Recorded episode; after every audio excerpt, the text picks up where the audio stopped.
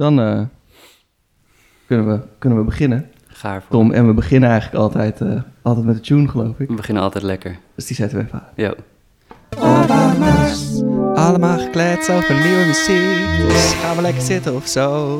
Want het zijn de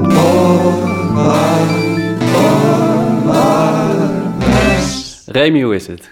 Ah, het is, het is goed. Ja, Het zonnetje schijnt, het zonnetje schijnt al de hele week. heerlijk. Ik ga daar persoonlijk heel erg goed op. Dus ja, met mij gaat het goed. Gaat het met jou. Tom? Ja, gaat ook prima. Ja, zeker. Ja, ja. Ehm, Wat voor gast hebben we vandaag, Tom? Wat- Vertel er eens wat over. We hebben een, een waanzinnige gast. Ehm, eh, ik, heb, eh, ik, heb, ik heb onze gast een jaar of drie, vier geleden heel even kort ontmoet ehm, bij een televisieprogramma waar ik toen speelde. Ehm, en dat televisieprogramma is, eh, is Vrije Geluiden en daar is onze gast. Het is wel leuk om, om een keer over de gast te praten zonder de namen al te laten vallen. Een soort van spanningsopbouw. Ja, ja, ja. Niemand Eh, weet nu nog wie het is. Nee, niemand weet wie het is. Ja, is het Jamai? Nee, het is niet Jamai. Ehm, nee, we hebben, we hebben vandaag eh, eh, Melchior Huurdeman te gast. Ehm, eh, presentator van Vrije Geluiden voor, voor jaren, radiomaker, tv-maker, van huis uit pianist. podcastmaker ook trouwens. Zeker. Daar gaan we het zeker vast, Zeker. Ook, vast ook zo even over hebben. En ehm, ja, to- toen ik aan het conservatorium ging studeren, toen, toen maakte ik eigenlijk pas een beetje kennis met vrije geluiden. En, eh, en toen begon ik het ook te volgen en heb ik ve- veel aan gehad. En, en dus ook veel Melchior op, op, mijn scherm, eh, op mijn scherm gehad. Dus dat, was, eh, dat is extra leuk dat je, dat je hier nu bent en dat ik niet tegen een scherm aan kijk, maar tegen een paar microfoons. Valt het mee? Ja, zeker, zeker. Ehm, welkom, leuk dat je er bent. Dank je. Heb jij er nog wat aan toe te voegen? Nou ja, eigenlijk heb ik, ik, heb, ik heb hetzelfde verhaal. Ja. Het, t- op, op televisie kwam dat. Eh, en dan zag je, zag je het, of, of tenminste, de laatste paar keren was het natuurlijk in Utrecht. Maar ik heb vooral nog herinneringen aan dat het een eh, muziekgebouw aan het ei was. In het Bimhuis, Eh, ja. In het Bimhuis. En, Ja. en sindsdien is die plek dus altijd voor mij ook een plek waar je heen kan gaan om mooie muziek te horen. Die had, de zaal en het programma zijn een beetje één geworden in mijn hoofd. Ja, dat is mooi. En dat, dat komt eigenlijk een beetje gewoon doordat ik dat voor de eerste paar keer op tv zag. En daar toen een keer kwam en dus eigenlijk het idee had dat ik op een tv-set was. Eh, maar het was een jazzconcert ja, van ja. eh, Jesse Ruller en, eh en de Jazz Orchestra Of het van concertgebouw. het concertgebouw. Dat was het eerste concert wat ik in het Bimhuis heb gezien. En dat Ah, is ja. een heel goed concert. En dus dat, dat, zit, dat zit gelinkt aan mijn herinnering aan jou. Nou, dat, dat is een mooie. ja. Welkom. heeft het jullie ergens gebracht? We zitten hier nu een podcast te maken over nieuwe muziek. Dus ik denk eh, dat, dat, dat, dat je daar een steentje aan hebt bijgedragen. ja, zeker. mooi. Ja. Ja. Ja, ja, ja zeker. Ik heb daar, eh, daar ook veel muziek leren kennen. En dat is ook wel, dat is ook wel het mooie aan vrije geluid. Het is niet alleen maar hedendaagse muziek. Het is, ja, hoe zou je het noemen, avontuurlijke muziek. Want er zit natuurlijk ook veel wereldmuziek in en, en, en jazz. En ehm, eh, ja, het was eigenlijk voor mij een beetje een opening Ja. eigenlijk. Nou, het is Opening wel leuk om te zien dat jullie, en eh, jij speelt bijvoorbeeld ook in, in popbands. Ja. Hè, je maakt muziek zeg maar, van vandaag de dag. Eh, jij doet dat eigenlijk ook hetzelfde, hè, maar je bent meer uitvoerend. Mhm. Maar als je ziet hoe breed het scala is waar de huidige generatie componisten in denkt, dat is eigenlijk ook zoals wij altijd het muziekprogramma gemaakt hebben. Snap je? Dus al die invloeden, alle dingen, die kunnen eigenlijk. En dat is wel weer heel fijn van deze tijd. Hm. Ja, want als je twintig jaar geleden had, was geweest, dan is het toch nog, was het nog heel dogmatisch allemaal. En dat is wel fijn dat die grenzen echt vervagen. En dat mensen of uit de popmuziek komen, die klassieke muziek gaan maken. Snap je? Dat is gewoon, ja, dat is de- deze tijd. Nee, precies. Ja. Dat, dat het echt, eh, die gordijnen zijn inderdaad weg. En je kan, Ja. je kan al die kamertjes gewoon inlopen en dingen doen. Ja. Mhm. En je moet, ik denk, je moet ook wel. Snap je? Ik bedoel, je moet Ja. ook die gordijnen een keer opengooien. Want het idioom hè, past zich nu ook heel erg aan aan deze tijd. Ja. En je bedoel, als je de tijd van inderdaad van Vlijmen, hè, de hele echte 20e eeuwse moderne muziek, van echt van ping, pong, pong. Dat je denkt van ja, dat houdt, dat houdt een keer op. En dat vooruitzicht was al een keer, want het was gewoon ook too much. Op een gegeven moment had je echt Ja. zoiets van, ik kan hier mezelf ook niet meer in vinden. En mensen zijn weer alle dingen, zoals Jacob de Veldhuis bijvoorbeeld, Ja. is echt dingen gaan grijpen van deze tijd in een format gegoten. En dat is echt ja, muziek van deze tijd. En dat Ja. vind ik eigenlijk wel heel erg leuk. Er moest weer een nieuwe tegenreactie komen Ja, op, eh, precies. op wat er was. Ja. Ja. Maar voor jou, Melchior, jij hebt, jij hebt jarenlang zoveel verschillende muziek gehoord, gepresenteerd. Ehm, eh, maar ik kan me wel voorstellen dat, je, dat jij ook eh, ehm, eh, je eigen liefhebberij hebt. Dat, dat, je, dat je zelf bepaalde dingen mooier vindt dan andere dingen. Hoe, hoe, hoe, hoe ben je daarmee omgegaan? Of is dat inderdaad echt zo breed? eh, als- Het is eigenlijk altijd zo breed geweest. Kijk, ik Mm. ben natuurlijk een jongen uit de jaren 60, 70. Een gouden tijd, moet ik zeggen. Maar thuis werd er bij ons altijd al heel veel verschillende soorten muziek gedraaid. Hm. Ik bedoel, zij, mijn vader werkte bij de Volkskrant. En het was toen nog allemaal van het langharige tuig. wat kwam in de jaren 70 bij ons langs. In een klein huisje in Beuzigem. En dan begonnen ze met Bach. En dan kreeg je een beetje jazz. En dan eindigden ze met pop. Er was een nieuwe Rolling Stones, Sticky Fingers net uit. Mhm. Of eh, dat soort LP's. Dus, en wij lagen als kleine jongetjes boven. We hebben echt alles gehoord en alles meegemaakt. Mijn vader speelde en jazz piano en klassiek piano. En eigenlijk de, de wereldmuziek is eigenlijk echt pas gekomen bij, bij Reiziger in Muziek. Daar Hm. ging ik in 1993 werken. En Toen had Sherry Duins nog de eindredactie. Ik ben toen een paar maanden geleden, later gevraagd door Sherry of de eindredactie wilde doen. Iedereen was echt overweldigd dat ik dat werd, want ik was een jonkie die dat kwam. Maar daar heb ik echt de liefde ook voor, voor de wereldmuziek opgepakt. Kijk, die, voor jazz, pop en klassiek, die was er al. Maar voor wereldmuziek eigenlijk nog niet. Ah, ja. En daar kwamen gewoon ja, stammen uit Afrika, maar die nog nooit gereisd hadden. Hè? Want in de jaren 90, 93 ben ik daar gaan werken. En toen kwamen echt mensen die voor het eerst een tv zagen, ook voor het eerst camera's. Dus die stonden echt te zwaaien voor de camera's. En dan was het echt, kijk, kijk, ik zie mezelf daar op camera. Ja, ja, ja. Dat is natuurlijk ook een hele, daarna een hele industrie geworden. Hè? Het waren allemaal natuurlijk allemaal bedrijven die ineens dachten van... nou, we gaan die mensen hierheen halen en dan kunnen we geld aan verdienen. Maar toen was het echt nog wel heel erg uniek. Hm.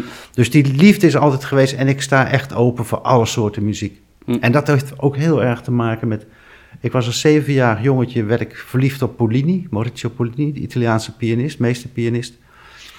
En ik moest alles van hem hebben. Alles. En vanaf mijn zeven ben ik alles gaan sparen. Aan plaatjes, aan foto's. Mijn hele kamer hing vol. En hij was een pianist die had het Chopin-concours gewonnen. Maar hij is daarna ook heel erg de moderne kant op gegaan. Hm. Dus ik zat op mijn negende al naar de tweede sonate van Pierre Boulez te luisteren. Ja. Terwijl ik wist bij god niet wat, maar ik moest het luisteren. Want Polini speelde het. Ja. Ja. Snap je? En zo kwam ik eigenlijk in contact met heel veel moderne soorten muziek. En dan merk je ook, het is dus een totaal andere wereld. Ik ben daarna zelf Schoenberg en Webern en zo gaan spelen. En dan merk je ook hoe vaak je het speelt, hoe meer het jouw muziek ook wordt. Ja. Hetzelfde als je een Beethoven-sonate luistert of een Mozart-sonate. Het is gewoon veel luisteren en veel, ja, als je kunt, zelf doen. Ja, meemaken, ja, ook. Meemaken. Ja. Die structuren die zijn anders, die liggen anders, maar ze worden wel op een gegeven moment, gaan ze bij jou horen. Ja. Dan ga je er weer jouw muziek van maken. En dat is heel belangrijk. Remy, wat, wat luisterde jij op je negende? Oh, ja, eh, eh, dat- is niet zo indrukwekkend als dit. Nee, ik nee, luisterde ik had vooral hetzelfde. Earth, Wind and Fire wel. Oh, ja. En dat, dat is ook niet verkeerd en chic. En eh, we- ja, een beetje funk, maar wel dan de beetje toegankelijke popversies van funk wel. En dat kwam vooral door mijn ouders eigenlijk. Ja, grappig. Die, die draaiden dat. En ik was helemaal niet zo bezig met het luisteren van muziek. Eh, en ik ben ook heel laat pas eh, eh, zelf gaan spelen. Ehm, tenminste, heel laat. Ik was 13, dus het valt ook wel weer mee. Maar ik kan me nog wel herinneren dat ik, dat ik zes of zeven was. En dat, eh, dat je voor Sinterklaas mocht je dan eh, een, eh, iets doen, een presentatie geven of iets van muziek maken. En we hadden thuis een heel klein mondharmonicaatje met allemaal kleurtjes erop. En toen ben ik wel al zeg maar, op een papiertje kleurtjes in een volgorde gaan zetten. En die kleurtjes dan dus gaan spelen. Grappig. Eh, dus toen ben ik naar school gegaan met mijn papiertje. Een beetje Josti ben een beetje methode. Jostie Band methode. dus ik heb die uitgevonden op mijn Ja, zevende. ja. En eh, daarna zijn zij het over gaan nemen. Jammer dat je daar nooit had- patent op ja, hebt ik had aangevraagd. daar Dat zonde. op moeten zetten. Ja, ja. Gewoon, eh, ja, dat is echt Buma. Die Maar dan hadden we hier ook niet gezeten misschien. Ah, dan hadden we in een groter huis Ja, gezeten. dat sowieso. Ja. maar eh, wat, ik me wel, eh, wat ik me wel afvroeg in, in wat je net vertelde, Melchior... waarom werd jij toen eh, hoofdredacteur? Eindredacteur, hè? Eh, eindredacteur, sorry, ja, van waar- maar eindredacteur, van het ja. programma. Dat weet ik niet. Ik denk dat ik gewoon iets had. Ik had bij de Volkskrant gewerkt, ik had conservatorium gedaan. Ehm, het klikte mij met Han Reiziger heel erg goed, die toen de presentator was. Want Vrijgeluiden was eigenlijk de opvolger, opvolger van eh Reiziger in muziek. Mhm. En het klikte gewoon heel erg goed ook met Sherry Duins. En die had denk ik alle vertrouwen erin. En Sherry Duins ging weer eh, documentaires maken. Waaronder bijvoorbeeld de Toonmeester-serie met Rijnbert de Leeuw. Heeft hij toen gemaakt. En dat is iemand moet het overnemen. Misschien iemand die jong was. Want de hele redactie was al redelijk op leeftijd. Han natuurlijk ook. Want die was al, tegen de 70 denk ik. Dus had zoiets, nou iemand van deze tijd die moet het maar eh, gaan doen. Ja, Ja. waanzinnige kans lijkt me. Ja, en vooral ook het, het, het- de lijst zeg maar, die we ooit hebben gemaakt van de mensen die geweest zijn, dat is zo overweldigend. Ja. Dat wil je echt niet weten vanaf 93. En dat ging dan ook, ik bedoel, ik kan me nog zoveel mooie dingen. Ik heb Philip Glass bijvoorbeeld ooit vanuit Brussel gehaald. Oh. Die speelde op zaterdag nog in Brussel. En die moest dan zondagochtend, want het was een live programma. Dus dan moesten we om 9 uur zeg maar gaan repeteren. En 11 uur was echt bam, beginnen tot 12 uur. Dus dan haalde ik Philip Glass uit eh, Brussel met de auto. Weet je, en dan s'nachts naar Amsterdam rijden, hij in een hotel. Maar dan de gesprekken die je hebt onderweg, dat was dan zo, ja. En je voelde gewoon, dit is echt iemand ook die je heel graag wilt zien. Weet je wel, die wil je ook op tv brengen. Maar alleen al die een soort vaderlijk gesprek hadden we ook de hele weg. Dus het was heel mooi. Want ik heb hem jaren later nog een keer ontmoet toen zijn boek uit was. Ik denk dat dat nu drie, vier jaar geleden. Toen heb ik hem in, eh, in Amsterdam geïnterviewd. eh, voor een zaal vol mensen, wat ik eigenlijk niet meer wilde toen. Het was echt aan het eind van mijn eh presentatiecarrière, wil ik niet zeggen, maar... En hij herinnerde mij nog. En hij herinnerde ook nog het gesprek. En hij was nu 80, was hij. Ja, geweldig. Maar dat soort dingen. Je hoorde die menu in ophalen uit het Amstel Hotel, bijvoorbeeld. Maar van die hele kleine dingen. Het was echt, ja... Als je die lijst ziet, van Haitink tot Dieskau, eh, van Herbie Hancock tot, ja... Dat is, het, het, was echt een verrijking. Mhm. Om A, met die mensen te spreken. Of Terry Bozzio, dat soort jongens, die in één keer gewoon bij jou in die studio en gewoon gaan spelen om 11 uur. Ja, En het leuke was altijd de mensen die je ontmoette en die we uitnodigden, die qua niveau misschien dan net daaronder zaten, die hadden altijd praatjes. Van dit was niet goed en eh, de make-up was te dik Ah, ja. of eh, de, de koffie was te lauw of enzovoort. En als je al die grote, van Menuhin tot Haitink, die gingen gewoon zitten en zeiden gewoon van, zegt u maar wat u wilt van Hm. mij. En dat was het enige. En dat waren altijd van die makkelammetjes, waarvan wij altijd dachten als ze kwamen, oh jee, Ja. dat wordt wat. We moeten de rode loper uitleggen. Dat was altijd wel een heel mooi verschil om dat te zien. Ja. Ja, Misschien professionals zou je misschien kunnen zeggen. ja, ja. Gewoon, eh, Maar ook denk ik wel gewend aan heel veel tv-interviews en dat soort dingen dus. ja. Ja. Ja, maar het was dus ook, het was dus ook veel meer dan, eh, dan alleen maar die zondagochtend presenteren en een handje geven. Ik bedoel, Philip, Ja. Philip Glass vanuit Brussel in, eh, in de auto ophalen. Dat, Ja, eh, Dat, dat vergeet je ook niet ja meer. nee, dat is Nee. ongelooflijk. Ja. Een mooi verhaal is van Georgi Sandor. Georgi Sandor was een, een vriend van Bartok. Was een heel groot pianist. Hij is later naar eh, New York gegaan. Heeft op de Juilliard volgens mij ook lesgegeven. Die heb ik ook een keer uit Duitsland s'nachts gehad. En het regende en het regende. Die man was toen al 80. En het was eigenlijk eenzelfde soort, soort relatie die we heel snel hadden. Ik weet niet wat ik heb, maar ik had iets met oude, oude muzici. Mhm. Ik had ook op een gegeven moment een project voor mezelf bedacht. Ik was net afgestudeerd van het conservatorium. En ik dacht, het podium, dat is helemaal niks voor mij. Want die zenuwen, die waren voor mij echt vreselijk. Ik bedoel, het werd een soort zwart voor mijn ogen als ik ging zitten. En het zwart trok weer op als ik ergens iets van krrrk aan applaus of zoiets hoorde. Dus ik dacht, dat is mijn wereld niet. Dus ik ben echt gaan schrijven en de journalistiek ingegaan.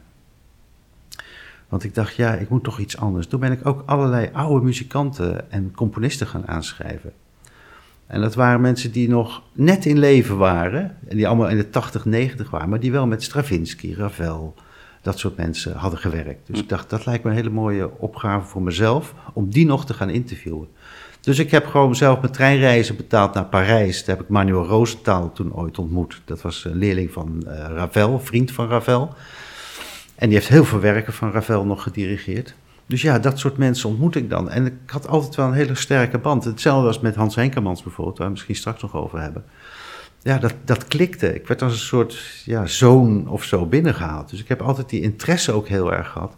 Maar vooral ook naar die, wat ik ook wel een van de meest fascinerende tijden in de muziek vind, die overgang van, van de hoge romantiek, de late romantiek, naar wat Debussy gedaan heeft. En hoe Stravinsky dat doorgezet heeft, Debussy, Ravel.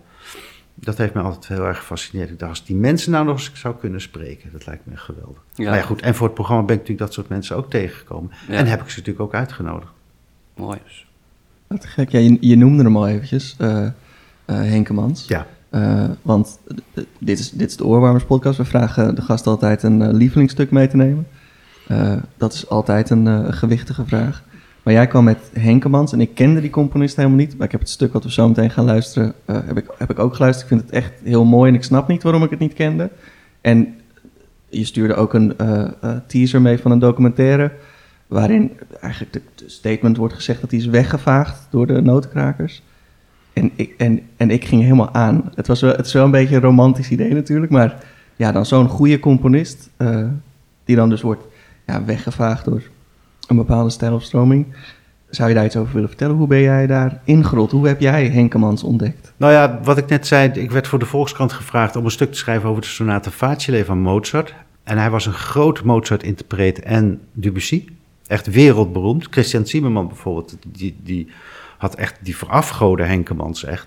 Christian Zimmerman is een van de grootste eh, pianisten uit Polen. Ehm, dus ik heb hem op een gegeven moment gewoon ontmoet voor dat interviewtje voor Sonate Facile. En hij deed de deur open en dat was in Zeist, in een grote, reizige, mooie flat. Met, met, met roze tapijt op de vloer. Eigenlijk zo'n zo'n ja, koninklijke woning. Dus ik kwam daar en hij deed open. Het was een hele dunne, lange man. En eh, ik zei, ik ben Melchior. Hij zei, ik ben Hans. Hij zei, kom binnen. En het klikte. En we gingen tegenover elkaar zitten en hij begon te vertellen daarover. En ik was na drie uur nog niet weg. Terwijl het ging eigenlijk over zo'n quoteje wat ik, wat ik nodig had. En toen zei hij, waar woon jij? Ik zei in eh, Utrecht. Ik was op de fiets gegaan vanuit Utrecht eh, naar Zeist. Hij zei, goh. Ik zei, ik ben ook wel geïnteresseerd in, u, in uw verhaal. Hij zei, nou, dat is goed. En vanaf dat moment ja, zijn we bijna drie keer per week zeg maar, bij elkaar gekomen. En ik nam elke keer mijn eh tape recordertje mee. Dus ik had op een gegeven moment echt zo'n, allemaal 90 Oh, minuten ja. bandjes. Ik denk een stuk of 25. Die nu ook gebruikt zijn voor die documentaire trouwens. Dus ik heb alles opgenomen. Want hij kwam met verhalen over Haitink, over eh, Eduard van Bijnem, die zijn premières dirigeerde in het concertgebouw. Eh zijn malaise toen inderdaad de notenkrakers in één keer in eh, de jaren 70 de concerten verstoorden in het concertgebouw. Ja. En hij was psychiater, dus het was ook een hele mooie combinatie. Ik zat er ook altijd in de stoel van, eh, vertel maar. En er lag ook zo'n sofa. Ah joh, Ja, hoe voel je je daar maar hij dan had, hij, had, hij had heel veel mensen dus uit het orkest gekregen... die toen ze dat stuk uitvoerden... volgens mij met baarwasser op fluit... ik weet niet meer van wie het stuk was... dat ze met rateltjes en begonnen te schreeuwen tijdens het concert. En hij heeft als psychiater heel veel muzici bij hem op de bank gehad... die daar zo door geraakt waren... en die niet meer verder konden, psychisch... Oh, wow. Die heeft hij als psychiater ook geholpen. Waarom hij eigenlijk, denk ik, ook in de vergetelheid geraakt is, is, want hij was heel erg populair. Als je de lijst ziet van eh, de werken die mee op tournee zijn gegaan met het concertgebouw, met Bernard Haitink, over de hele wereld, dat is echt gigantisch.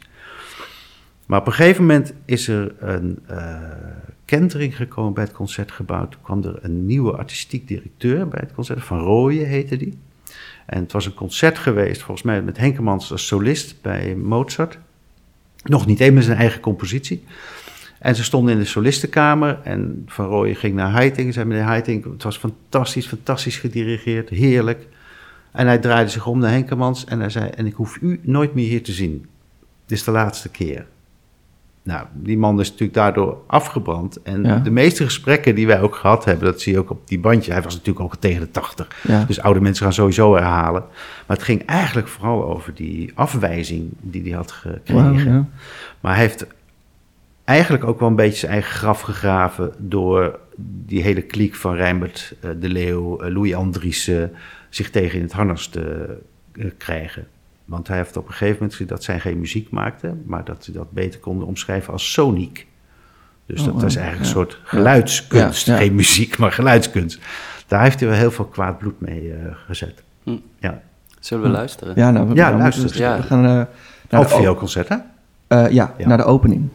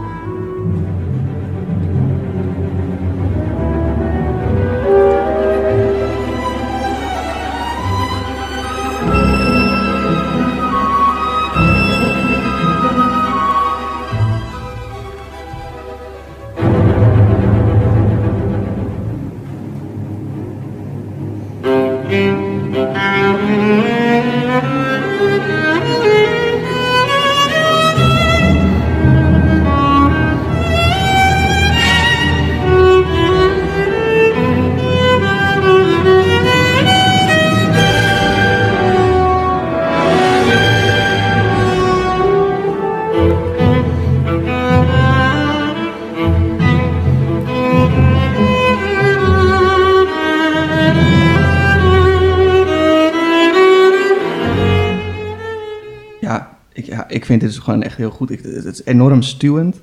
En die, die altviool-melodie is prachtig. Er zit aan het, tegen het einde ook een cadenza in van de, voor de altviool natuurlijk. Dat hoort er een beetje bij. Maar die is ook zo fenomenaal. Dus dankjewel dat je deze componist hebt meegenomen. Ja. zou ik willen zeggen. Ja, het is een prachtig componist. Ja. Echt. Ja, toen, eh, to- toen Remy en ik deze, deze podcast begonnen, toen, toen zeiden we tegen elkaar van...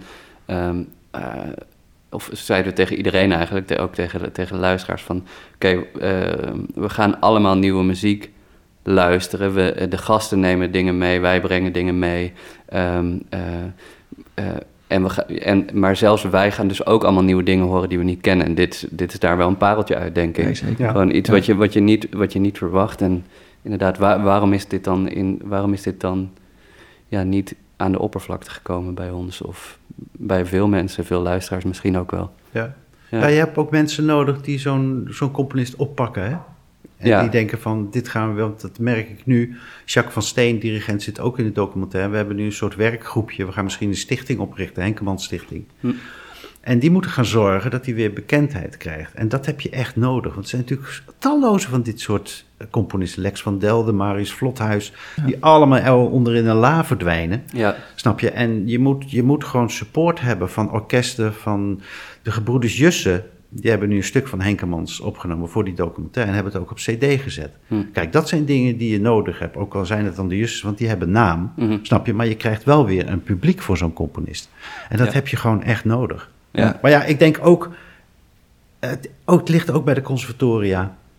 Ik bedoel, ik kende Henkemans ook niet. Ik heb piano gestudeerd, ik had die naam nog nooit gehoord. Ik dacht dat het een Duitser was, Hans Henkemans. Snap je? Want je gaat Ja. toch uit van, ja, mensen die op Philips verschijnen, dat zal wel een buitenlander zijn. Dat, ja, want je krijgt het niet mee. En dan denk ik, dat is juist daar waar je moet beginnen, inderdaad. Eh, En dan kun je allemaal leuke stukken eh, gaan uitvoeren van buitenlanders, zoals je op het conservatorium kunt. Ik denk, neem die hele Nederlandse school nou eens. Er Ja. zitten zoveel interessante mensen bij, die nu Ja. muziek maken, maar ook uit het verleden. ja. Ja, daar hebben we het vaker over in de podcast. Omdat, omdat ja, het, het valt ons ook op dat er, eh, dat er toch nog een klein stukje nationalisme ontbreekt in het Nederland. Over, als Heel het erg. gaat over onze eigen muziek. Heel erg. Eh, Ja. Terwijl we zoveel prachtige muziek Ja. en muzikanten hebben voortgebracht. Ja. En dat vind ik nou En, het mooie van om zo'n programma te hebben als Vrije Geluiden. Ja, We hebben zoveel, we hebben laatst hebben wij eh, cluster 5. ja precies. Ja. Dat, dat kennen jullie misschien. Een jong, Dat- Zeker. jong ensemble uit Den Haag. Heel, hele leuke mensen. Ja. Dat is eigenlijk- Dat was, dat, wij zochten een ensemble wat gewoon werk van deze tijd kon spelen. Wij hebben ooit in het verleden hebben het Combustion Chamber, dat was toen een klein orkest. We hebben het idee opgevat om de componisten, we zijn bij Andriessen aangeklopt, bij wat is nou je meest favoriete of beste student? Dus, nou ja, er kwam Michel van der A uit en dat soort, uh, Kyriakides kwam eruit, maar Ja. die waren allemaal nog student. Ja, Maar die hebben gewoon, en we hadden toen geld, want toen was er nog geld voor cultuur. toen was dat. Die konden wij gewoon betalen en een orkestje betalen. En dan schreven ze een stuk van 10 minuten voor dat orkest. En dat werd bij ons dan uitgevoerd. Ja. En dat waren dus allemaal componisten die eigenlijk nog bezig waren. En met Nou Cluster en- 5 was het eigenlijk ook een beetje zo. En waarvan je dus, je, want je noemt me twee, meteen twee hele grote namen. Ik, dit zal niet de reden zijn geweest dat ze nu zo groot zijn als dat ze zijn, maar het is er zeker een onderdeel van. En dat is dus ook hoe belangrijk dat is. Natuurlijk. Want je bent ook een stukje, Ja. ja, eh, hoe noem je dat? Een stukje ontwikkeling eh draag je Nee, bij maar het de leuke is van, ja. oké, als dat voor jullie het grootste talent is nu op dit moment, wat toen nog helemaal geen naam was, Nee, precies. laat dan maar horen. Mhm. Hoe, hoe Ja. klinkt dat dan? Laten mensen maar alvast eh, kennis maken daarmee. Wat, wat gebeurt er op de conservatoria nu? En dan, als je daar echt goed over waakt, dan kom je ook op namen als Henkemans en ook op Ja. namen als Willem Pijper. Want die, zijn, die kun je niet wegcijferen in het Nederlandse muziekleven, de ontwikkeling daarvan. Nee. Dus ja, ligt, daar ligt een grote taak, vind ik. Ja, en die, die, die neem je ridderlijk op je ook. eh, Ja, Zo lijkt ja, Nee, ja. Dat vind ik ook heel goed. Ja. Ja, dat is heel, eh, Ja. Die mensen hebben we nodig. We, we gebruiken eh, die analogie vaak. Ik zeg vaak dat Tom mijn ridder is. Hij speelt veel muziek van mij. Eh, en zo ben jij dat dan weer voor ook weer een heel groot deel. Ja, dat, dat is belangrijk. Eh, ik heb ook al het idee dat deze podcast ook een soort ridder is. Voor heel veel muziek. Ja. Eh, en nu ook voor Henkemans. Daar ben ik blij mee. Ja, ja, absoluut. Heel tof. Ja, het wordt een beetje. Het, het- mensen worden lui. Dat denk ik vaak. Omdat er zo. Er is zoveel en het is zo makkelijk te verkrijgen. Snap je? Maar echt op onderzoek uitgaan. Dat is echt iets wat je nu moet doen. Ja, Dat Ja. zei Tom Koopman tegen mij ook. Hij zei: die muziek van tegenwoordig, die oude muziek spelen. gaan allemaal een soort kopiëren van wat er al is. Maar juist de kracht ligt van zelf op zoek gaan en zelf je conclusies trekken. Hè, van waarom je die of die streken of dat of dat tempo zou gebruiken. Of die of die bezetting. Ja. Daar gaat het om. Ja, nee, je moet iets op je nek nemen, op je schouders nemen en het gaan uitvoeren. ja, en die verdieping ook zoeken, denk ik. Ik denk dat Ja. daar- dat creëert alleen maar meer rijkdom. Ja, ja. Ik, bet- ik betrap me er zelf ook wel eens op als ik in mijn, in mijn Spotify-lijst eh, ehm, eh, aan, het, aan het kijken ben, wat, wat, zal, wat zal ik eens opzetten? Ehm, en, en inderdaad, dan krijg je ook dingen voorgesteld, maar je blijft altijd in datzelfde bubbeltje zitten. Dus inderdaad, als je het niet opzoekt, ja, dan, dan word je op een gegeven moment een soort van, eh, ja, hoe, zeg, hoe zeg je dat? Een, vol- een volger van Spotify in plaats van een liefhebber van, van muziek bijna. Omdat Ja, je inderdaad helemaal niet onderzoekt. Er wordt gewoon iets op je bordje gelegd en, Ja. en, en dat eet je, want het ziet eruit als dat andere eten wat je ook lust. Ja. Eh, En het is dat- vluchtiger geworden. Ik, bedoel, ik moest vroeger echt lang sparen voordat ik een plaat van Polini kon kopen. Die waren 25 Ja. gulden. Dus dat was echt wel sparen geblazen. Maar als je hem Ja. dan had, dan luisterde je en dan Ja. las je er alles over. En dan was het ook echt een ding wat binnenkwam. Snap je? Ik bedoel, Ja. nu draai je iets en denk je, oh nee, vind ik niet leuk. En dan klik je naar de volgende en je klikt naar de volgende. Ja, Ik bedoel, ja. En zeker bij moderne muziek heb je echt die tijd nodig. zeker. En als je zo makkelijk kan spoelen, dat je denkt, nou heb ik nu geen zin Ja. in, of wat dan ook. Maar als je hem echt ervoor moet werken en je moet de plaat gaan kopen, dan, ja, dan denk je, ja nee, ik moet dit, dit moet ik ook mooi vinden, anders is het zonde van die 25 gulden, bij wijze van spreken. Ja, ja. ja, of een concertticket. Dat is. Ja, dat ja, is goed, dat, ja. ja. natuurlijk. Ehm, maar inderdaad, we hebben, we hebben hier nog niemand van Cluster 5 gehad, maar we hebben wel Nee. componisten gehad die, Ja. eh, die, die voor ze hebben geschreven. Maar het is wel een goed idee eigenlijk, nu we het erover hebben. Ja, zeker. Cluster 5, jullie hebben ons nummer. Eh, Ja. we, ga- we gaan even Bel bellen wie van jullie wil komen. Eh, ja, maar zo hebben we bijvoorbeeld inderdaad ook in onze vorige aflevering Jan-Peter de Graaf, die, Ja. die voor Cluster 5 heeft geschreven. En recent... Reeks en recent- progressie. Ja, Dat kunnen we dan ook gewoon Ja, precies. En, en recenter een groot stuk van Celia Zwart. En Celia is hier, Ja. hier ook geweest. Ja. Nog even trouwens dikke gefeliciteerd naar Celia voor het winnen Oh, van, Inderdaad. van de grote prijs. Keep an Eye Foundation Ja, prijs. Foundation. Gaat allemaal, het komt op Wonderview als het goed is. Ja. Zo heb ik gelezen. Ik weet niet waar het nog meer komt, maar ja, Ja, gaat dat zien. Want ze gaat ook weer dingen met animatie doen. Dus ja, ja. het zal wel weer... eh, Het was heel ontroerend, omdat ik heb voor de componist gaan, ben ik bij CD. Ja, daar wilde ik Ja, even heen. Ja, ja. leuk Ja. bruggetje. Dank je. Ja, ik zei, oh, ik vond het zo romantisch om vanaf dat je je bed, zeg maar, heb je gewoon in je kamer staan en je schrijftafel staat ernaast, weet je wel, dat, met een keyboard erop. Ja. Ik zei, ja, super romantisch toch? Ja, ja want, je, want, Licht je, armoedig, maar toch, eh, toch romantisch, zeker. want we zeiden het in het begin, maar je bent, je bent ook een podcastmaker. Je bent, eh, je, je bent veel aan het maken. Eh, en zo ook, zo ook de Componistenkamer, wat ik ook gewoon al een hele romantische titel vind eigenlijk. Omdat je, ja, je, je, gaat, al, je gaat daar voor jezelf al invullen hoe die, hoe die kamers eruit gaan Ja. zien voordat je, voordat je het luistert. Ehm, wat, was, eh, wat was eigenlijk in de kern de reden dat je dat bent gaan maken? Of wat wilde je vragen aan die componisten om... om Ehm, de aan- aanleiding was eigenlijk... Kijk, ik ben als kind, zoals ik je net vertelde... dat ik mijn eerste klassieke plaat van de etudes van Chopin kreeg... door Polini gespeeld. Van topniveau. En ik dacht, dat wil ik worden. Ik wil pianist worden. Ik wil naar het conservatorium. was voor mij gelijk klaar. Ik heb dat niveau nooit gehaald, dat zeg ik heel eerlijk. Maar ik heb er wel ja, heel veel liefde en tijd ingestoken. Omdat ik het gewoon... Ik dacht, ja, ik wil dit gewoon en ik kan gewoon niks anders. Daarbij hoorde ook dat ik op zevenjarige leeftijd met Chopin in aanraking kwam. Dat ik eh, omsloeg naar een soort romantische jongen. Dus ik ging ook naar alle huizen van Chopin. Dus ik ging naar Parijs met mijn vader en moeder. En daar gingen we bijna elk jaar heen. En moest ik altijd naar Père Lachaise, naar het graf van Chopin. Ik moest naar de huizen waar hij gewoond had, daar moest ik heen. Eh, Square d'Orléans, eh, Boulevard Passionnaire, daar wonen die allemaal. Boulevard Passionnaire was een enorme deceptie, want er was een pizzeria ingekomen waar ik toen gewoond. Ik was ja. woest, was ik. Ja. ik dacht, dit kan gewoon niet. Heeft Chopin Ja. gewoon. Maar ik ging dan ook echt die huizen, probeerde ik binnen te gaan. En dan had ik echt dat gevoel van, nou, Chopin heeft hier dat handvat gewoon aangeraakt. En dat, is, dat was voor mij altijd zo'n ultiem gevoel, dat ik dacht, oh wat heerlijk. Ik weet gewoon dat Chopin hier naar binnen is gegaan en daarboven bij wijze van iets geschreven heeft of wat dan. Dus, en daar, uit die liefde zeg maar voor de componistenhuizen, want ik had bij Beethoven natuurlijk ook in Wenen en... eh, dacht ik, nou ja, laat ik het ook eens gewoon hier in Nederland gaan doen. Waar Mm. wonen die mensen nou? Hoe, hoe leven Ja. ze? Snap je? En dan kom je in zoveel verschillende woningen. Dat vind ik altijd, want ik had daarvoor natuurlijk voor de Volkskrant en voor Antract Muziekjournaal al heel veel interviews gemaakt. En het is altijd wel heel belangrijk, ook voor het programma, als je bij de mensen thuis komt, weet je al heel veel en krijg je al heel veel informatie wat voor iemand het is, wat Ja. die verzamelt. Ik bedoel, je komt bij mensen met wanden vol met gitaren of kasten vol met platen waar je nog nooit van gehoord hebt. En Mhm. dan kun je daar al zoveel inspiratie uit halen. Ja. Dus ik dacht, ja, bij de mensen thuis lijkt me hartstikke leuk. Dus ik heb gewoon een lijstje opgesteld. En van Lieverlee kwam ik dan ook bij van, als je in een ruimte zit en je zoekt inspiratie, dan begint dat heel vaak toch aan je schrijftafel. En ik was bij Louis Andriessen bovenop bij zijn, eh, in zijn huis.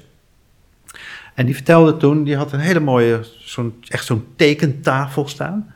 Maar daar lagen potloodjes en gummetje en die lagen allemaal daar. En hij begint elke ochtend op 9 uur precies, vakantie of geen vakantie, begint hij te schrijven. Twee uur tot 11 uur heeft hij pauze. En zo. Ik dacht, ja, dit is natuurlijk gewoon, dit is een heel ritueel wat die mensen hebben ontwikkeld.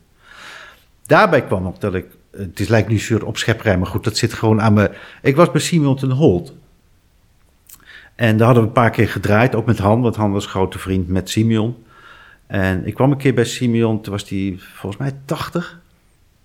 En eh, ik zei, Simeon, hoe gaat het? Ja, hij was heel ziek en had van de dokter gehoord dat hij niet meer mocht roken. Ik zei, ja, dat is jammer. Ik zei, maar hoe gaat het verder met je schrijven? Hij zei, ja, ik schrijf niet meer. Ik zei, dat meen je niet, dat is toch zonde? Hij zei, ik, ik kan niet meer. Ik, hij, hij zei, ik kan niet meer roken. hij zei, het was voor mij zo drie eenheid. Opstaan, koffie zetten, achter de piano gaan zitten, een sigaretje draaien, aansteken en beginnen met componeren. Hij zei, en dat ene ding, na al die jaren, is er ineens tussenuit. Hij zei, ik, ik kan het niet meer.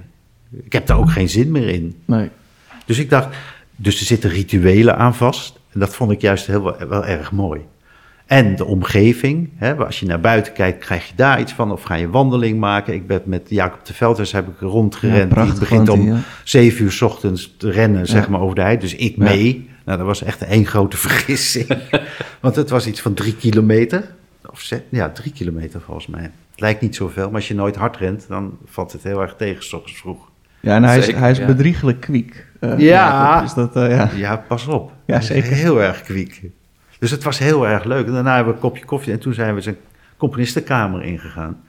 En dan heeft hij verteld over stenen die er liggen, die hem soms eh, inspiratie geven of rust geven. Ja. Nou ja, daar zo. En zo ben ik erop gekomen. Dus ik ga nu langs hopelijk nog meer mensen. We hebben nu net pas weer ingediend. Een Cool. vervolg daarop. Dus. Mooi. En zoveel verschillende mensen, zoveel verschillende verhalen. En zoveel mensen die zo gepassioneerd met iets bezig zijn. Dat is zo fijn om altijd te zien. Hè? Of het nou een kleine ruimte is of een hele grote ruimte. Of succes hebben of geen succes hebben. Ja, dat doet mij toch altijd deugd dat gelukkig deze mensen bestaan. Ja, en Ja, dat is zeer aanstekelijk. Dat, eh, Ja, dat is zeer Ja. aanstekelijk. En, en zijn er ook componisten die je niet hebben binnengelaten in hun kamer? Oh, Nee, want die had ik dan ook, dat had ik van tevoren dan gehoord. Dat Ja, ze zei, ja, je mag niet binnenkomen. Dan zei ik, nou, dan gaat het Ja. maar niet door. Want ja, Ja, het is wel de kern van, van de componistenkamer dat we daar ook echt eh, komen. Maar Ja. Peter Jan Wagemans was ook zo'n mooi voorbeeld in Dordrecht. Is een heel oud pand. En met een, eerst een hele lange gang. En helemaal aan het eind van die hele lange gang, daar was zijn kamer. Weet je wel. En dan loop je zo echt naar die kamer toe. En dan voel je van, er komt iets aan. Dat weet ik, want het, moet iets romantisch zijn. Ik ben wel een romanticus, moet ik zeggen. Dus ja, en dan kom je daar binnen en dan is het een soort serre, zeg maar, met allemaal platen en een vleugel erin en een grote schrijftafel met rotzooi papieren. Ik, kijk, als je het bijvraagt, ik vind een Beethovenkamer, zeg maar, hè, waar alles omvalt en eh, waar eh, oude planten staan, eh, kopjes om liggen. Dat vind ik voor mij een componistenkamer. Maar dat is gewoon mijn romantiek. Want en En ben je dan- dan net wel eens ergens geweest dat het zo opgeruimd was dat Ja, jij dacht dit van, is geen compliment. ah, jij wilde een goede beurt maken. jij dacht de radio. Nou, nee, niet de goede beurt, maar, maar dat is, dat, je ziet ook heel erg duidelijk hoe iemand... Bij Anthony bijvoorbeeld, Ja. Ja, Ja, onze eerste gast. ja. Dat was jullie eerste eerste uit. Nou ja, gast, jij hebt ja. een stuk bij, bij ons gespeeld Zeker. van hem. Ja, ja. Echt een hartstikke mooie en fijne componist.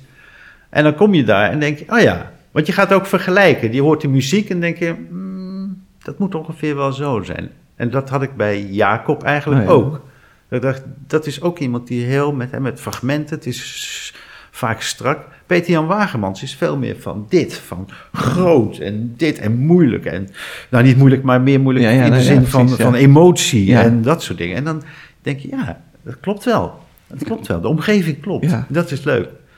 Ik hoop me nog een keer heel erg te gaan vergissen. Maar dat, Nee, dat zou leuk Ja, zijn. dat Dat je zou- echt dat dat je denkt, nou, een dit zal een opgeruimd type Nou, zijn. dit dat had je dan denkt, echt nou, niet ik blijf wel staan. Ja. Ja. Ja, maar nu je het zegt over Anthony, ik kan, me- ja, kan me dat wel voorstellen. Nooit zo over nagedacht, Ja. maar ja, inderdaad, de componistenkamer. Ja, en ik zit er nu ook aan te denken op dat tijdens, eh, tijdens lessen eh, heb ik op een gegeven moment ook veel eh, van docenten buiten conservatoria les gehad, eh, compositieles. En dan kwam je dus ook bij die mensen thuis. En wat je nu zegt, denk ik, oh ja, inderdaad, ja. Ik ga geen namen noemen, maar de ene was inderdaad dat je dacht, oh ja, overal ligt iets. Ja. En nou ja, hij is al genoemd, Anthony is inderdaad best opgeruimd. En ik heb dat nooit geassocieerd met zijn muziek, maar nu je het zegt, denk ik, verdomd ja, ja. dat is, ik zie daar wel een lijn in. Ja. Dat is leuk om dat op die manier... En, en ik bedoel, lieve luisteraars, als, als jullie... oh, ik bedoel, ga eerst natuurlijk even deze podcast afluisteren voordat je verder gaat. Maar een, eh, eh, ehm, ik zou ook zeggen, ga vooral, eh, ga vooral naar, eh, naar de podcast van, van Melchior en, eh, en Vrije ja. Geluiden.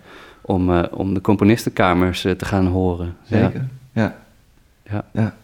Ja, en ik denk ook als, als er mensen inderdaad luisteren van jullie leeftijd waar jullie het voor maken, denk ik ook, als je nou een goed idee hebt, of je hebt een ensemble waarvan je denkt, die moet echt een keer op tv, schrijf gewoon een mail en stuur iets mee. We kunnen niks beloven, maar we staan altijd open. Mhm. Want dat heb ik ook wel gemerkt, er komt eigenlijk zo weinig binnen. Wij komen eigenlijk Ja. altijd hè, naar de mensen toe van, willen jullie die spelen?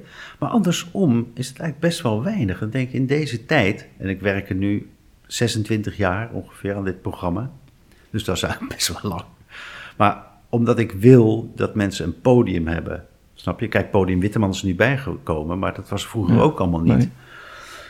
En daar komt natuurlijk ook maar één bepaald segment Zeker, muziek. ja. Snap Ja, je? bedoel, toch- maar wel gewoon wat de- de klassieker, ja. avonturiers, weet je wel, kom op, stuur op, laat horen waar je mee bezig bent.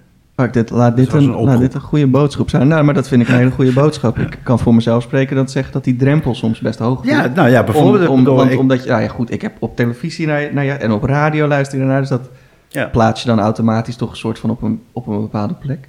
En dan denk ik, ja, daar kan ik toch niet zomaar een mailtje naar sturen. Zo van dat, wat, dat is toch niet eh, hoe dat gaat. Ja. Maar het is goed om dan te horen van de mensen die dat maken, die dan zeggen, tuurlijk moet je gewoon een mailtje sturen. Ik ga Ja. niks beloven, maar je moet me wel sturen. Ja, en, en wat belangrijk is, is ook motivatie. Er zijn mensen die gewoon een brief schrijven, bij wijze van spreken, en die gewoon uitleggen waarom ze muziek of dit stuk gemaakt hebben, enzovoort, enzovoort. Die gewoon warm zijn. Kijk, je kunt ook gewoon iets opsturen en niks erbij, en dan Ja. moeten wij maar uitzoeken wat het is, of wie Ja. die figuur is, enzovoort, Ja, enzovoort. luister hier naar dit moet je Ja, boeken. er Dit zijn is- ook mensen echt letterlijk bij ons langsgekomen. Snap je? Die hadden iets nieuws en die zeggen: Dit moeten jullie nou eens horen. En dan kom je in gesprek met iemand Ja. en dan gaat iemand leven voor je. Want anders blijven natuurlijk ook die noten die het zijn. En die kunnen soms prachtig zijn. Ja. Maar moet je er een onderwerp van maken? Dat is vaak ook nog een ding Ja. natuurlijk. Ja. Maar ik zou nooit schromen. Nee, dat is Gewoon goed, niet. goed om te horen. Ja. Ik eh, ga zo meteen een mailtje Dus we zien, eh, ik wou ga- zeggen. We, zullen je mailadres niet noemen, België, want dan... eh, Nee, maar Zit of, je eh, vol. tenminste, nu we het daar toch over hebben, kunnen we wel Ja. even uit de doeken doen. Want het, en dat is, dat, ik wil die credits helemaal aan Tom geven. Eh, want Tom heeft op diezelfde manier natuurlijk ook eh, contact gezocht. In eerste instantie met Aad. Eh Aad is de gast geweest. Ehm, Aad van Nieuwkerk. Aad van Ja, Nieuwkerk, ja, voor de ja. excuus, ja. Ja, Ehm, en het, nu gaat het gebeuren dat wij dan ook eh, te gast eh, kunnen komen bij Vrije Geluiden. Ja. Dus een soort kruisbestuiving. ja. Ja, je zoekt Eh, elkaar ook op. Dat ja. is ook het leuke van, van muziek maken. Muziek maken maak, doe je met z'n allen. Maar ook uitvoeren, maar ook eh, ja, in de ether brengen. Nee, doe je ook samen. Ja. ja. Dus Nee, maar dat, mijn, mijn, mijn, eh, wat ik wilde zeggen is dat, dat het ook heel warm en fijn voelt. Dus dat, ja, Tom stuurt een mailtje en dan zeg ik tegen Tom, zo, ah ja, gaan we niet op hopen, weet je wel, maar dat, zou, dat is wel heel leuk. En dan krijg je zo'n uiterst vriendelijk mailtje terug van, ja, natuurlijk gaan we dat doen. ja. En dat, dat, vind ik, dat vind ik heel bijzonder en heel goed dat dat, eh, Ja, dat vanuit dat op liefde die en manier gaat. enthousiasme. Ja, vanuit liefde ja. en enthousiasme. Ja, Ja. En vanuit een soort openheid, eh, ja, die ik niet Maar had dat- verwacht, Dat redeloos. is ook maar- wel een makke van de muzikant en de componist. Hè? Dat Naar denk ik buiten wel, hoor. treden. Ja. Ik bedoel, kom Zeker. op met je ding naar buiten en ga zeggen hoe goed je... Want dat Ja. zeg je eigenlijk.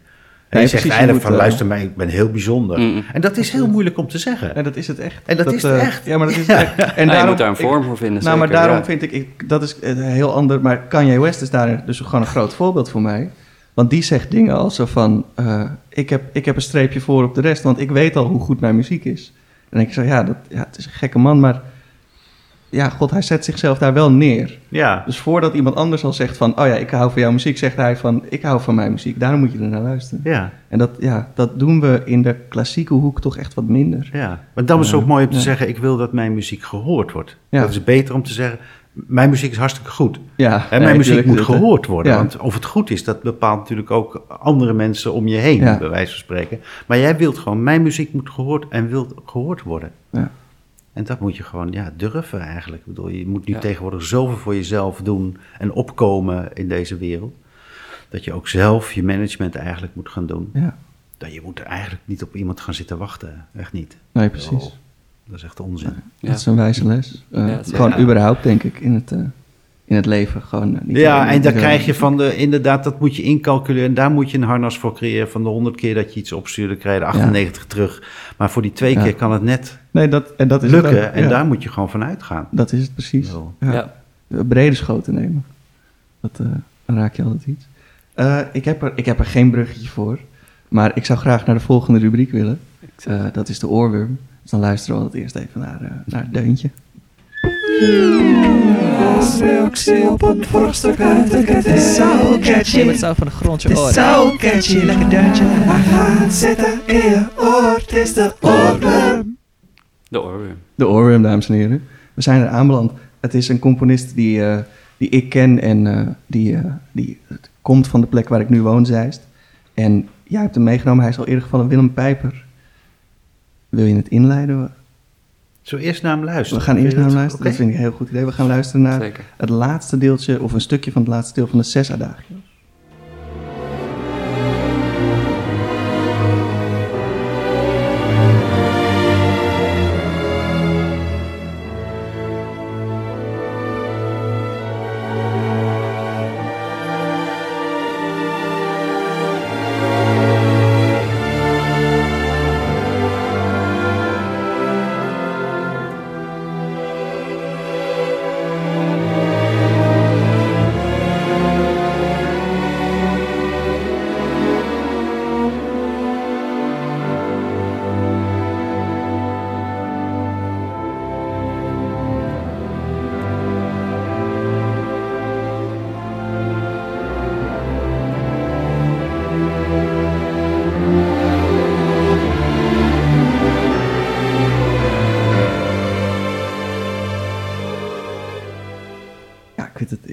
Lekker zwijmelmuziek. Het is voor ons doen ook misschien, klinkt het wat laat romantisch, maar dames en heren, dit is gewoon 1940 als ik het goed heb.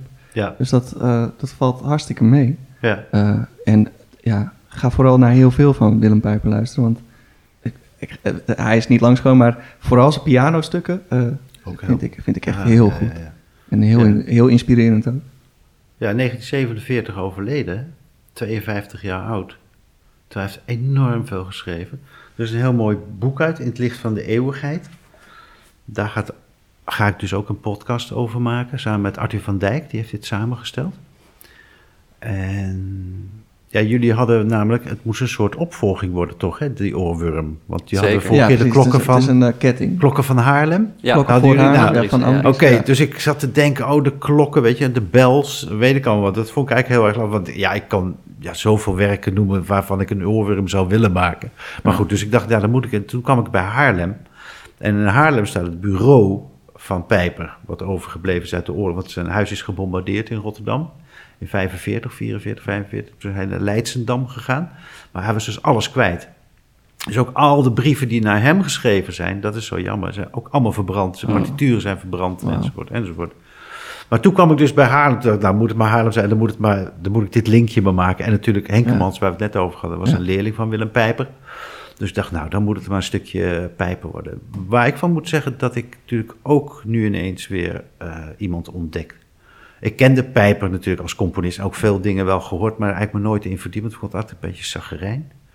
Maar nu ik die brieven ga lezen en ook weer dit adagio, die zes Ja. adagio's hoorde, dacht ik, ja, het is toch ook wel een hele bijzondere en ook echt wel een voortrekker geweest. Hè? Henkemans heeft van hem les gehad, maar Sam Dresden volgens mij ook. Eh, wie waren er nog meer? Heb jij dat? Weet jij welke? Henriette Bosmans. Die, die generatie. He- Kees Badings. Dus ook echt wel de vader van Nederlandse componisten... die natuurlijk een hele grote stempel gedrukt hebben op het Nederlandse muziekleven. Maar goed, wij gaan eh, in ieder geval voor die podcast naar Zeist, waar hij geboren is. En eh, zijn huizen bezoeken ook. En voor de rest wordt het acht afleveringen. Dat is wel leuk. Aan elke aflevering zit een werk van Pijper. De sociale omstandigheden van Pijper. En zijn persoonlijke leven. En dat zijn ongeveer... dat is wel leuk. In elke periode, dus we hebben acht periodes... zit elke keer een andere vrouw. Oké. Want hij werd ook haremhouder genoemd. Gekscherend. Omdat hij zoveel vrouwen... Had echt heel veel vrouwen. Dus die brieven die gaan ook, zijn ook met heel veel vrouwen... die heel belangrijk geweest zijn in zijn leven. Dus hij was wel getrouwd. Ja. Had hij nog twee of drie andere vriendinnen. En eh, ja, hij, hij deed goed zijn best, Ja. zeg maar. Ja. Dus ik ben heel benieuwd wat dat gaat opleveren. Dus daar komen brieffragmenten in. Ja. En ga ik mezelf ook meer verdiepen in het leven van Willem Pijper. Waar ik heel erg naar uitzie. ja, leuk. Dus ook weer een nieuwe ontdekking voor mij over het leven van Pijper. De muziek Ja. kende ik wel. Maar ja, net als Henkemans is Pijper ook echt wel een beetje een, een, Frans georiënteerd. Dat, dat hoor je. Hij misschien nog wel iets meer Duits dan Henkemans. Henkemans is echt wel Frans georiënteerd. Maar ik ben heel benieuwd wat het me gaat, eh, wat het me gaat opleveren. En Ik denk ik ben, mooie verhalen. Dat hoop ik altijd. Dat, dat, dat, dat weet ik bijna wel zeker, maar ik Ja, heb gewoon ja. vooral heel veel zin om het te horen. Ja. De, de podcastserie. eh. ja. En in je, in je gesprekken met, eh, ehm, eh, met Henkemans, heb, Ja. je, heb je in die, in die 25, eh, 25 tapes die je hebt opgenomen eh, eh, ook informatie over Willem Pijper? Ja, en toch heel weinig, want hij had een haat-liefde verhouding met Pijper. Oké. Ja, dat was, dat, waren, dat was best eigenlijk wel water en vuur. Hm. Want Henkemans, die kon bijvoorbeeld, dat was één voorbeeld wat hij mij een paar keer heeft verteld. Henkemans kon eh, eh, handschriften lezen. In de zin van, eh, schrijf je, je naam of schrijf je adres of, of schrijf een klein stukje en ik kan zien wat jouw persoonlijkheid is. Hm. En toen, hij schreef ook veel met Henkemans. En toen Henkemans dat vertelde, dat hij dus, hoe heet, hoe heet dat nou? Dat je iemand zijn handschrift eh doorgrondt, zeg maar, en daarin kan zien van, oké, Ja, jij bent eh, Ja. Ik ken het van heel wat? veel verschillende dingen, maar ik weet niet hoe het heet. onrust, Van, eh, onrustig figuur, of je hebt eh, ADHD, dat was het toen nog niet, maar weet ik wel. Nee, ik moet Dat Goed, je kunt het in ieder geval zien. ja. Aan jouw handschrift kan ik zien, als je Beethovens handschrift ziet, dan denk je, wow, dat is, hier moet je van wegblijven, laat ik het zo zeggen. Wat een gek. Maar goed, hij- ja, wat een gek. Dat, en dat klopt dan ook. Maar goed, dat kon Henkemans dus ook. Dus had hij op een gegeven moment had hij dat geschreven in zijn brief, dat hij dat kon lezen. Dus hij Pijper onmiddellijk gestopt. Oh. Hm. Dat is ook wel Die- een mooi teken. Ja, toch? Die ja. dacht van, dit hoef jij niet te weten, Nee. hoe ik eigenlijk in elkaar zit. Niet beseffende dat hij al brieven heeft gestuurd. Het is Ja, al te laat. Het is eigenlijk al te laat. Ja. Hij wilde denk ik niet dat hij veel wijviger was, Oh, dat, hij dat, eh, dat, hij dat bij de Henkemans terecht kwam. Dat denk ik. Nou goed. Ja. En wat jouw vraag was eigenlijk, ja, over Pijper, dat heeft hij eigenlijk verteld. Verder niet zo heel erg veel. Ik denk ook inderdaad dat die relatie gewoon te, te precair was. Of, Ja, eh, ja. ja. Zo, ja, zo En het ging altijd voornamelijk over Henkemans. Kijk, als je die leeftijd hebt, gaat het vooral om jou. ja, ja, ja. Maar het mooie was altijd, we, we dronken altijd thee. Dat vind ik altijd nog mooi. Het waren roze theekoppen op een, op een prachtig schoteltje. En het waren theekoppen die hij had gehad voor zijn 40ste verjaardag, volgens mij van Eduard van Bijnem. Hm. En daar dronken we altijd thee uit. Dat waren roze koppen. Matchend bij het vloerkleed. Ja, Ah, en dat vond ik dan geweldig. Jeetje, die heeft hij van Van Bijnem gekregen. Weet je Ja. wel. En dan dronken we daar dan thee uit. Ja, ik ben wel een romanticus. Anders Ja. hou je dat soort dingen ook niet vol. Nee. Want ik ben zo vaak bij die man geweest dat ik denk... Maar ja, goed. Dat is eigenlijk ook verwaterd. Ik weet niet of je dat nog... eh, ja, ik ben één keer met Henkemans nog naar Haarlem geweest om een maatpak te maken. Hij ging echt op maat een pak Oh, maken. ja. Toen was hij al ook behoorlijk eh, eh, ziek. Maar ik kreeg op een gegeven moment, toen ik in de voor de Volkskrant werkte, had ik helemaal nog geen vaste baan. Ik bedoel, ik ging af en toe een recensie schrijven, wat ik vreselijk vond. Maar goed, ik verdiende daar wat Ja. mee en ik begon leren te schrijven. dat, ja. Kijk, interviews vond ik leuk om te doen, maar het recenseren, dat vond ik echt vreselijk. En eh, maar op een gegeven moment kreeg ik werk bij de VPRO. Dus ik werd verwacht daar om elke dag naar de VPRO in Hilversum te rijden. Dus hij begon en hij belde maar. En ik woonde achter de Dom, woonde ik in een studentenhuis. Dus die telefoon ging daar de hele dag. Is Melchior er? Nee, die is uh, naar Hilversum aan het werk. Dus toen moest ik s'avonds weer terug, want het was nog geen mobiel. Dus ik moest s'avonds dan weer terugbellen en zeggen: Ja, sorry, maar ik heb, ik heb werk. Ik kan niet meer elke dag op de fiets springen vanuit Utrecht naar Zeist. hè, om met u te praten. Ja, hij en dat begreep hij maar. Hij Ah, wilde ja. het maar niet begrijpen. En op een gegeven moment ja, is het gewoon een soort. Ik denk een half jaar voor zijn dood, doodgebloed. Dat hij zoiets had van: Nou, dan geef ik op, want hij komt niet meer. En, Mm. Terwijl ik wilde wel komen, maar Ja. het kon niet meer elke dag. Nee, dat gaat ja, dan even niet, ja. Ja, Dus hij had iets anders nodig. hij had iets anders nodig. Ja. Ja, hij wilde Ja. echt zijn verhaal eh, kwijt. En dat liefst elke dag. Ja, Maar ja, goed. Nou, heb, gelukkig heeft hij een heel groot deel van zijn verhaal bij je kwijtgekund. En, Ja, en bij Ed Spanjaard bijvoorbeeld Ah, ook, hè? Want Ed was ook een grote vriend van. Oké. Zit ook echt in die documentaire. Ja. nou ja, ik bedoel, daar hebben we dus zometeen wel die documentaire. Wanneer komt de documentaire eigenlijk uit? Nou, hij komt denk ik op NPO 2 extra, wordt hij uitgezonden. Eh, ik denk ergens in maart, eind april, of in begin april. Oké, Dus- gaan we... Ja, wij zouden bij Vrijgeleide ook wel dingen aan gaan doen. Dus. Oké. Want we hebben Ed Spanjaard gevraagd om in een sessie die wij opnemen Ja. nu elke keer. We nemen sessies op met Vrijgeleide. Om daar een paar pianostukjes te komen spelen. Ja. Die hij, want Ed had grotendeels van de nalatenschap van partituren van Henkemans gekregen. Dus die is nog in gaan grasduinen en heeft een aantal stukjes gevonden voor piano. Dat gaat hij doen. En een sonate gaat hij spelen van Henkemans voor viool en piano. En daar nemen wij één sessie mee op. Dus met, onverge- met vergeten werken van Ja. Henkemans. Hm. Dus dan proberen we een beetje weer die kar in gang eh, Ja, Ja. te zetten. heel met dat tof. soort dingen. Ik hoop dat, eh, dat de weg een klein beetje naar beneden helpt. Zodat Ik ook. er, eh, lekker kan gaan rollen. Ja, Ja, ik zal het ook, ehm, als, het, als het Ja. uitkomt, zal ik het ook eh, op onze Facebook en Instagram delen. Nee, Dus, zeker. Dat, mocht, je nog niet, eh, mocht je nog niet liken, abonneer, ge- geabonneerd zijn, eh, vrienden zijn, volgen, En doe dat dan. subscriben. Subscribe ook. Ja, Ja, oh, lekker hoor. Ja, Like en subscribe. like en subscribe het gewoon. Ja, dan, eh, dan zal ik dat ook delen. Ik ben er, ik ben er ook benieuwd naar. Benieuwd naar geworden ook door, eh, door je verhalen. ja. Ja, ja ik, ik wil je ontzettend bedanken dat je hier was, eh, Melchior. Ik vond het een enorm inspirerend gesprek. En ja, vooral eigenlijk om te horen van de rijkdom van al je ontmoetingen. Dat, dat, Ja. dat, is, dat is, heel, dat is ja, gewoon heel bijzonder. En hoe je erover vertelt is heel mooi. Dankjewel. Graag gedaan. En eh, zet dit voort. Ja, Ja. Dat, dat wil ik ook tegen jou zeggen. Ja, nou, dan zitten we in ieder geval op één lijn. ja dat is mooi? Ja. Ja. Heel nou, goed. dat gaan we doen. Ja, en ehm, eh, jij zei het al even in de podcast, eh, Remy.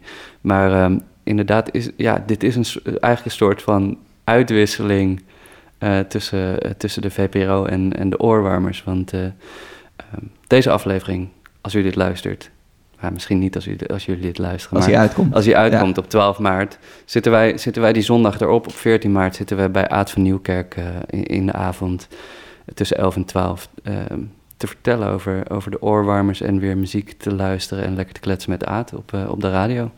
Ehm, dus ga dat ook vooral luisteren. En voor nu heel erg bedankt voor het luisteren naar, eh, naar deze aflevering.